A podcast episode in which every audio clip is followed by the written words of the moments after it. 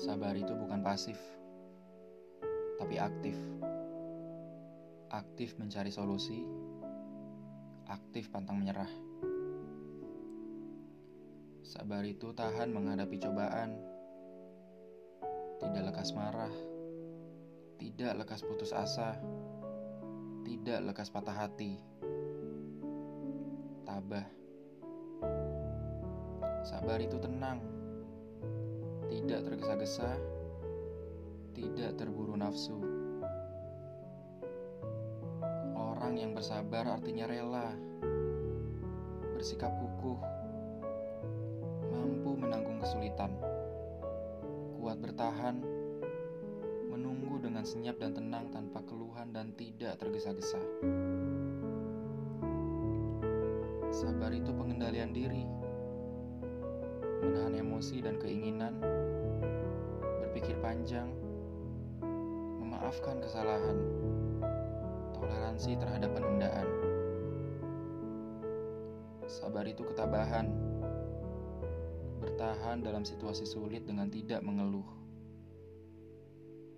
Sabar itu kegigihan, ulet, bekerja keras untuk mencapai tujuan dan mencari pemecahan masalah. Sabar itu menerima kenyataan pahit dengan ikhlas dan bersyukur. Sabar itu sikap tenang dan tidak terburu-buru. Teman-teman, kata sabar itu mungkin sering banget ya kita dengarkan. Dan perlu kita ketahui bersama bahwasanya sabar bagi iman itu sangat penting. Bahkan sahabat Rasul Ali radhiyallahu anhu pernah berkata, "Asobru minal iman, bimanzilatir rosi minal jasad." Sabar itu sebagian dari iman dan posisi antara sabar dan iman itu seperti posisi kepala dalam tubuh kita bisa kita bayangin teman-teman kita hidup tanpa kepala. Gue ya kita nggak bakal hidup gitu.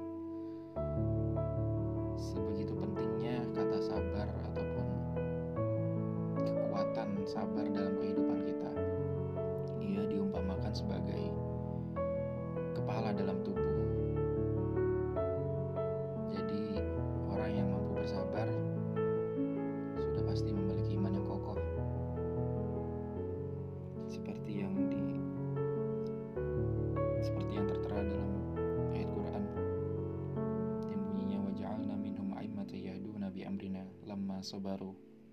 kanu bi ayatina yuqinun.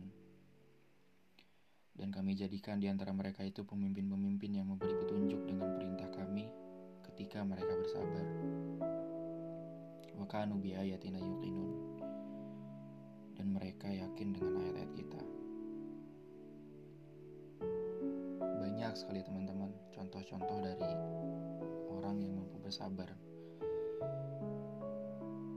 Dan berjuangnya orang yang bersabar gitu teman-teman entah itu dari perspektif duniawi maupun ukhrawi ya teman-teman.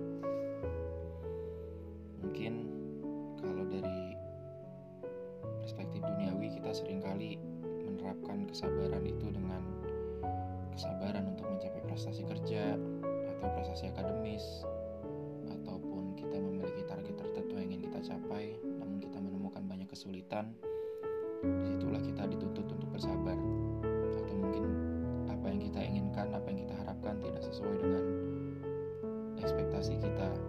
Kita tak kunjung menemui solusi dari segala permasalahan kita gitu. Di situ kita bertuntut untuk bersabar. Contoh realnya mungkin kita bisa mempelajari dari seorang tokoh yang menurut aku hebat banget ya. Presiden keempat Indonesia yaitu B.J. Habibie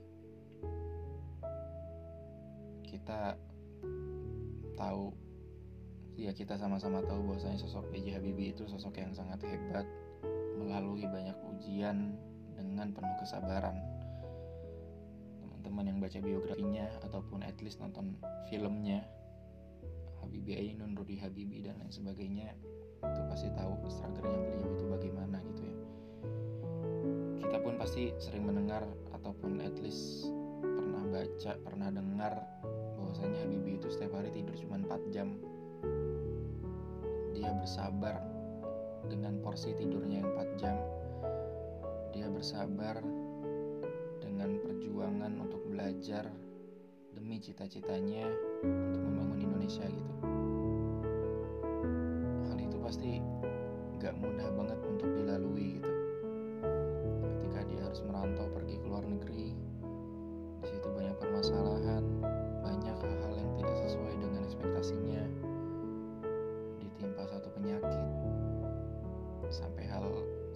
pada akhirnya dia bisa memberikan karya untuk Indonesia. Dan karya diakui di mata dunia bahkan.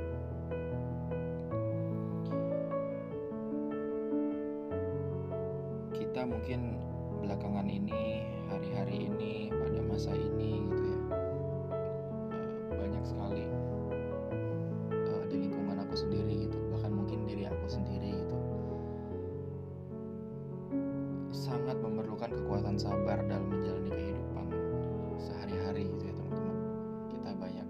struggle gitu dengan segala hal-hal yang kita hadapi gitu. Tidak sering juga kita berpikir buat nyerah putus asa dengan keadaan yang sekarang gitu. Apa saya gak mampu menghadapi ini gitu kan. Padahal udah jelas-jelas la yukallifullahu nafsan illa usaha gitu. Allah tidak akan memberikan satu ujian yang berat kecuali hamba tersebut mampu menghadapinya. Ketika kita mendengarkan nasihat orang kita curhat masalah kita ke orang-orang kemudian orang itu memberikan solusi gitu ya. Mungkin dalam uh, otak uh, egois ego kita tuh kita mengatakan ke orang tersebut bahwasanya ah, lu nggak ada di posisi gua gitu.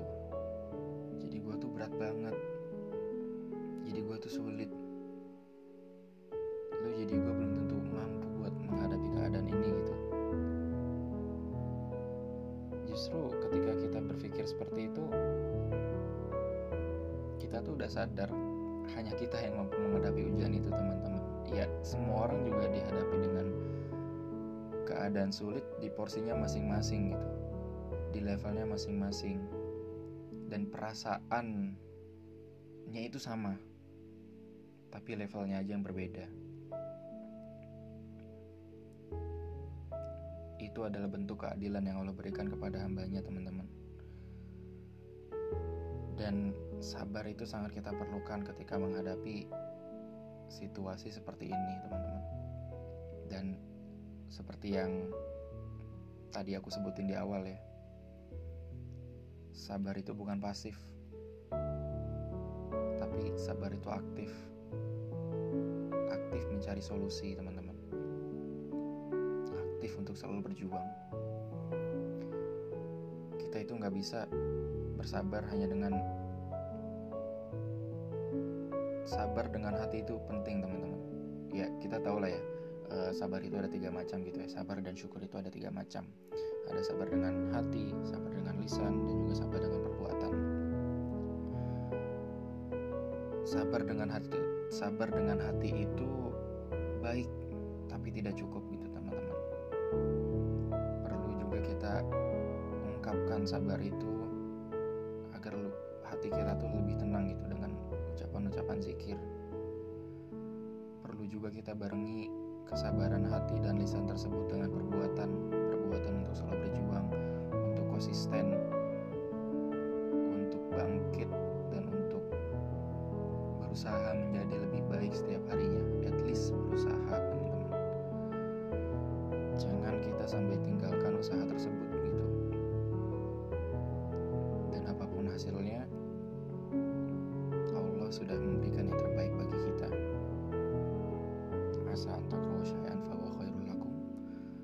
wa asa tuhibbu syai'an fa huwa khairul lakum gitu.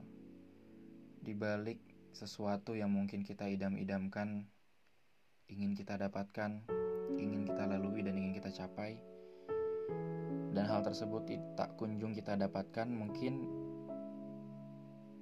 bisa jadi Allah sedang menyelamatkan kita dari keburukan daripada hal yang sedang kita damba-dambakan itu teman-teman.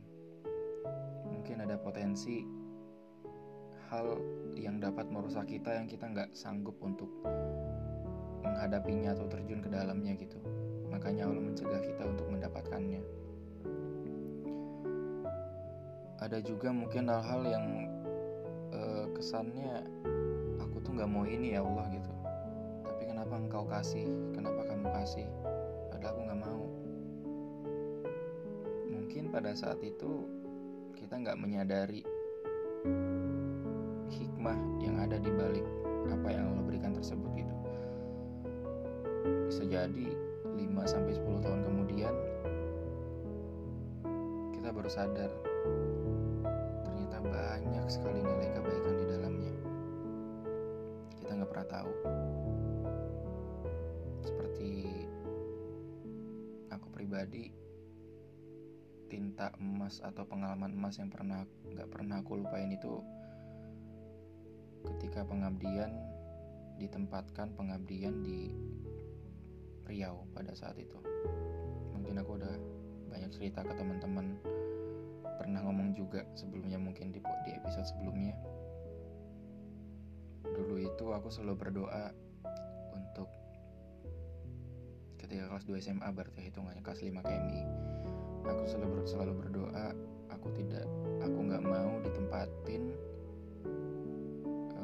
pengabdian itu di luar Jawa dan di pondok alumni yang baru merintis. Karena aku takut aku belum siap. Bahkan ketika mengisi angket pengabdian sebelum kelulusan yang aku isi itu aku ingin ngabdi di dalam kantor kalau enggak menjadi mahasiswa di Unida. Tahun aku selalu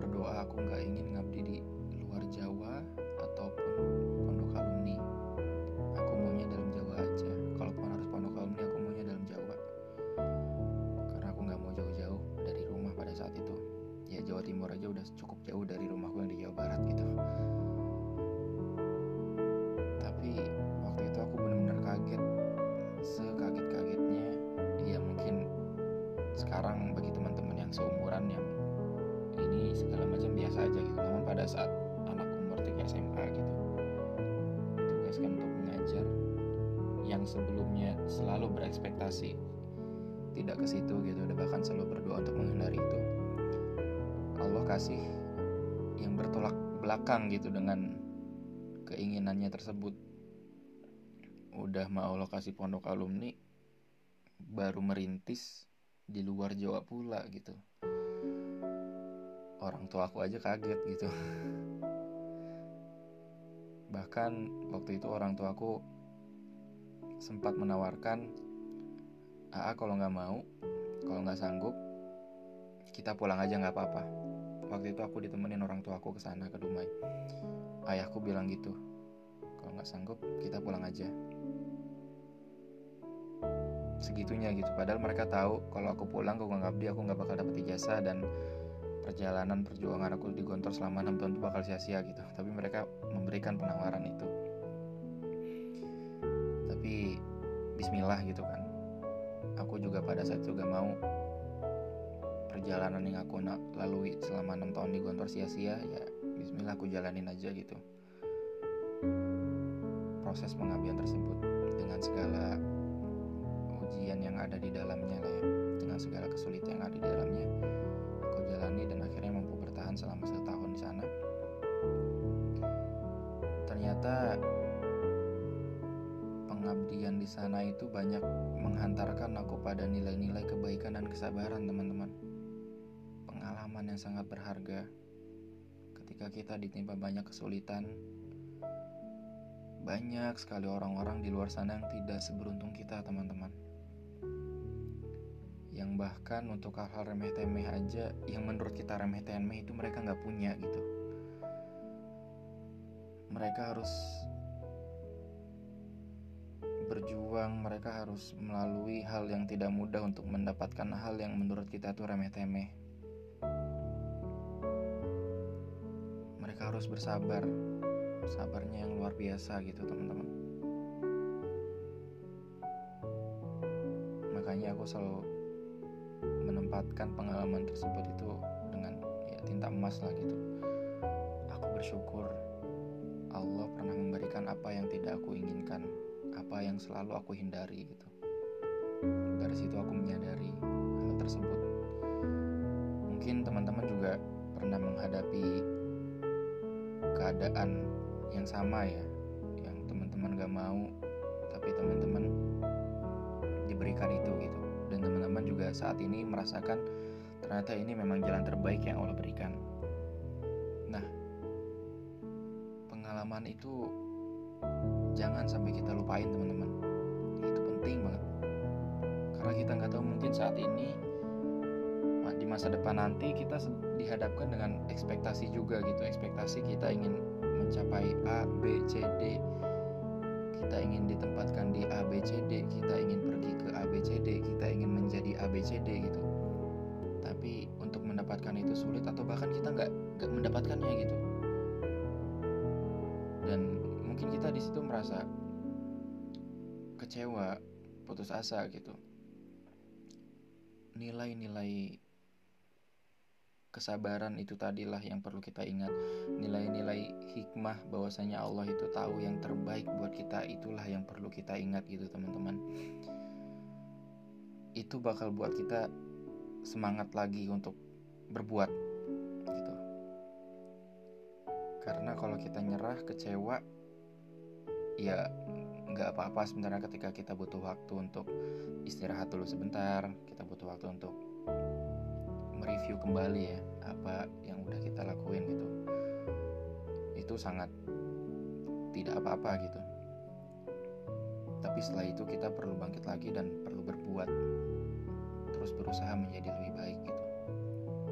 Untuk mencapai target-target kita keinginan-keinginan kita kita coba segala opsi yang kita punya jangan banyak berpikir gitu dalam berbuat ataupun melakukan sesuatu ketika ingin kita ketika kita ingin mencapai cita-cita atau mencapai target yang kita inginkan itu dicoba aja semua opsi yang ada.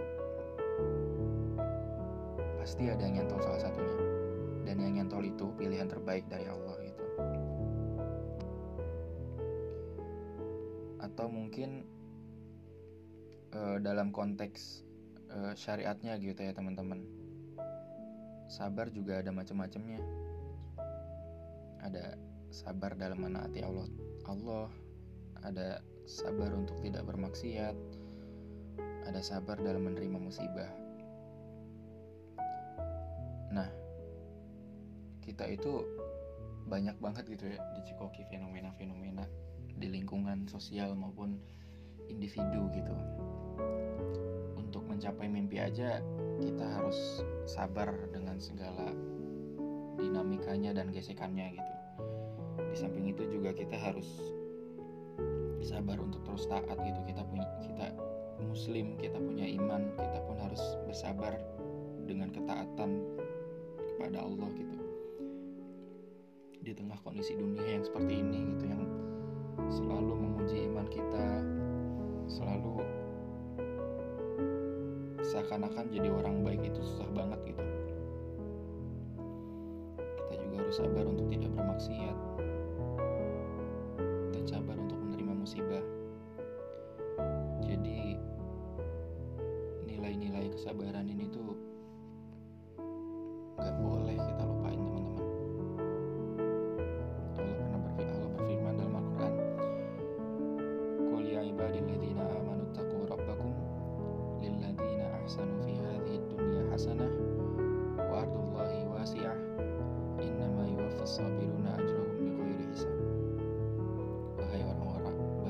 hamba-hambaku yang beriman Bertakwalah kepada Tuhanmu Orang-orang yang berbuat baik di dunia ini memperoleh kebaikan Dan bumi Allah itu adalah luas Sesungguhnya hanya orang-orang yang bersabarlah yang dicukupkan pahala mereka tanpa batas.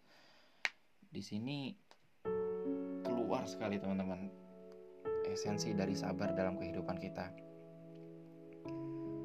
Sabar itu tentang iman. Dan iman itu menghasilkan takwa. orang-orang yang baik akan memperoleh kebaikan. Orang-orang yang berusaha berbuat baik akan memperoleh kebaikan. Dan bumi Allah itu luas. Kita perlu ketahui bahwasanya bumi Allah itu luas, teman-teman. Kita nggak mendapatkan kesempatan di A, kita masih bisa opsi B. Ataupun kita masih bisa coba opsi C sampai Z. Gak ada yang larang kita, teman-teman. Dan terakhir Allah tutup ayatnya dengan Sesungguhnya hanya orang-orang yang bersabarlah yang dicukupkan pahala mereka tanpa batas. Tanpa batas, teman-teman. Hanya orang-orang bersabar. Penting banget sabar itu, teman-teman.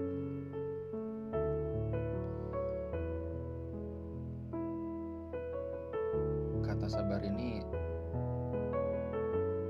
selalu terlintas gitu dalam pikiran aku belakangan ini sebulanan inilah dari ujian apa uas sampai belakangan ini terus juga uh, aku beberapa kali ngelihat satu novel yang jadi inspirasi aku gitu ya dari Ahmad Fuadi yang bukunya itu difilmkan dan tayang filmnya di 30 Juni nanti dan premiernya bahkan udah ditayangkan ya kemarin.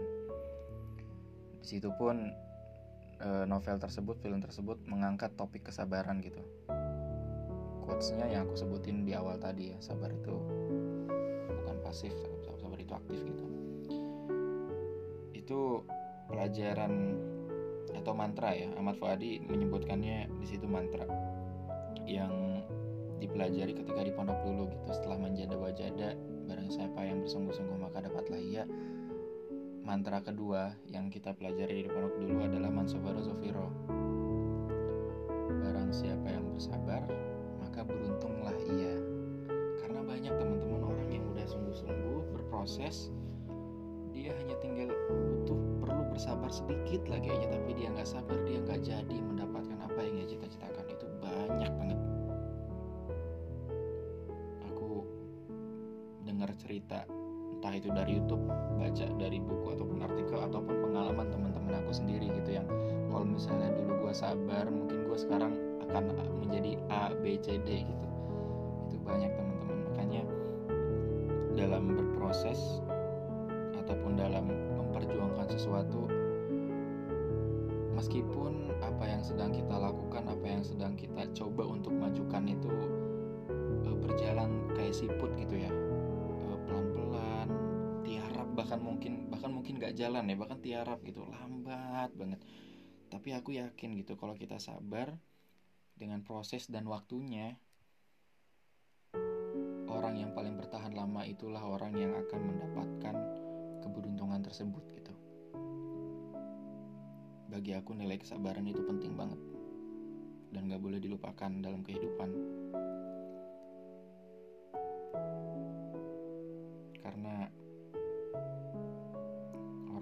Bersabar itu mereka orang-orang yang hebat teman-teman. Mereka adalah orang-orang yang wah keren banget lah menurut aku gitu. Dan semoga kita juga termasuk orang-orang yang selalu dikuatkan dengan kesabaran ya.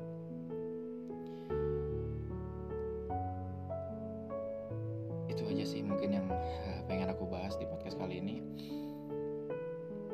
Sorry kalau ngaco dan tidak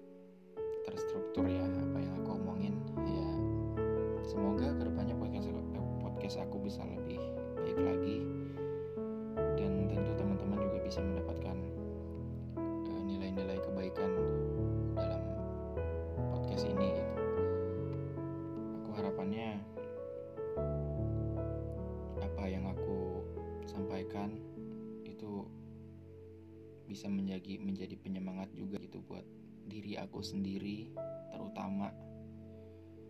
Soalnya aku kadang-kadang ketika lagi apa namanya lagi bengong kalau nggak lagi ngapain lah gitu. Uh, kadang-kadang suka denger podcast sendiri aja gitu. Dan itu sangat bermanfaat dan ngebantu banget gitu untuk oh ternyata gue pernah ngomong gini gitu terus gue sekarang ngapain? gitu ya. Dan aku bakal lebih bersyukur lagi ketika podcast ini tuh menjadi penolong gitu buat teman-teman juga yang mungkin saat ini sedang masalah saat ini sedang berjuang untuk terus bersabar gitu kan. Saat ini juga lagi kecewa lagi down segala macam. Semoga bisa membantu gitu karena kita itu manusia makhluk sosial dan pelupa gitu. Sangat butuh diingatkan mengingatkan diri sendiri dan juga